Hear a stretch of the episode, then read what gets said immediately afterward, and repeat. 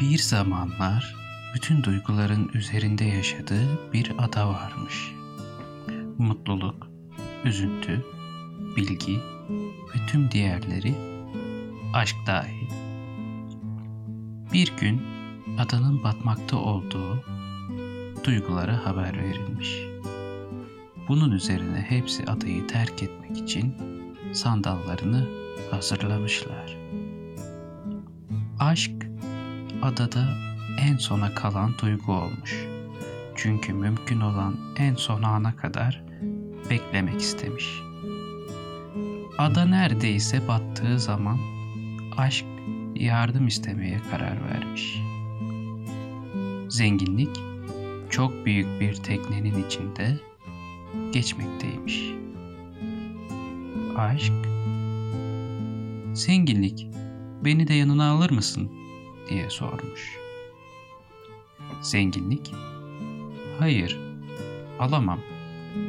Teknemde çok fazla altın ve gümüş var. Senin için yer yok demiş. Aşk çok güzel bir yelkenlinin içindeki kibirden yardım istemiş.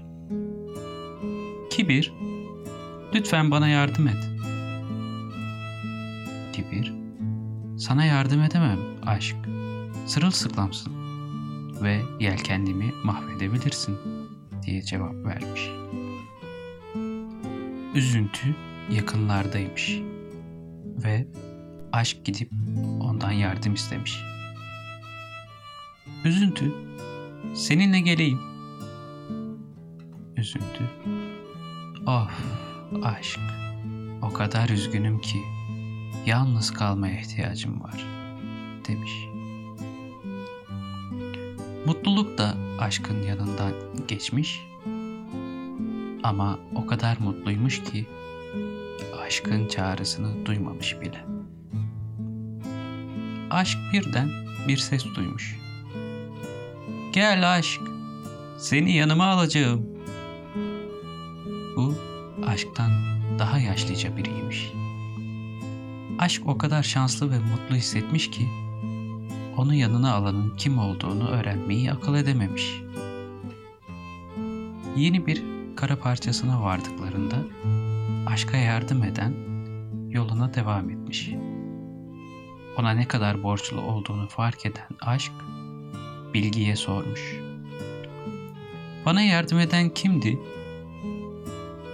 Bilgi, o zamandı diye cevap vermiş.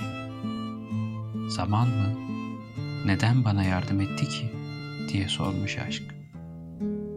Bilgi gülümsemiş. Çünkü sadece zaman aşkın ne kadar büyük olduğunu anlayabilir.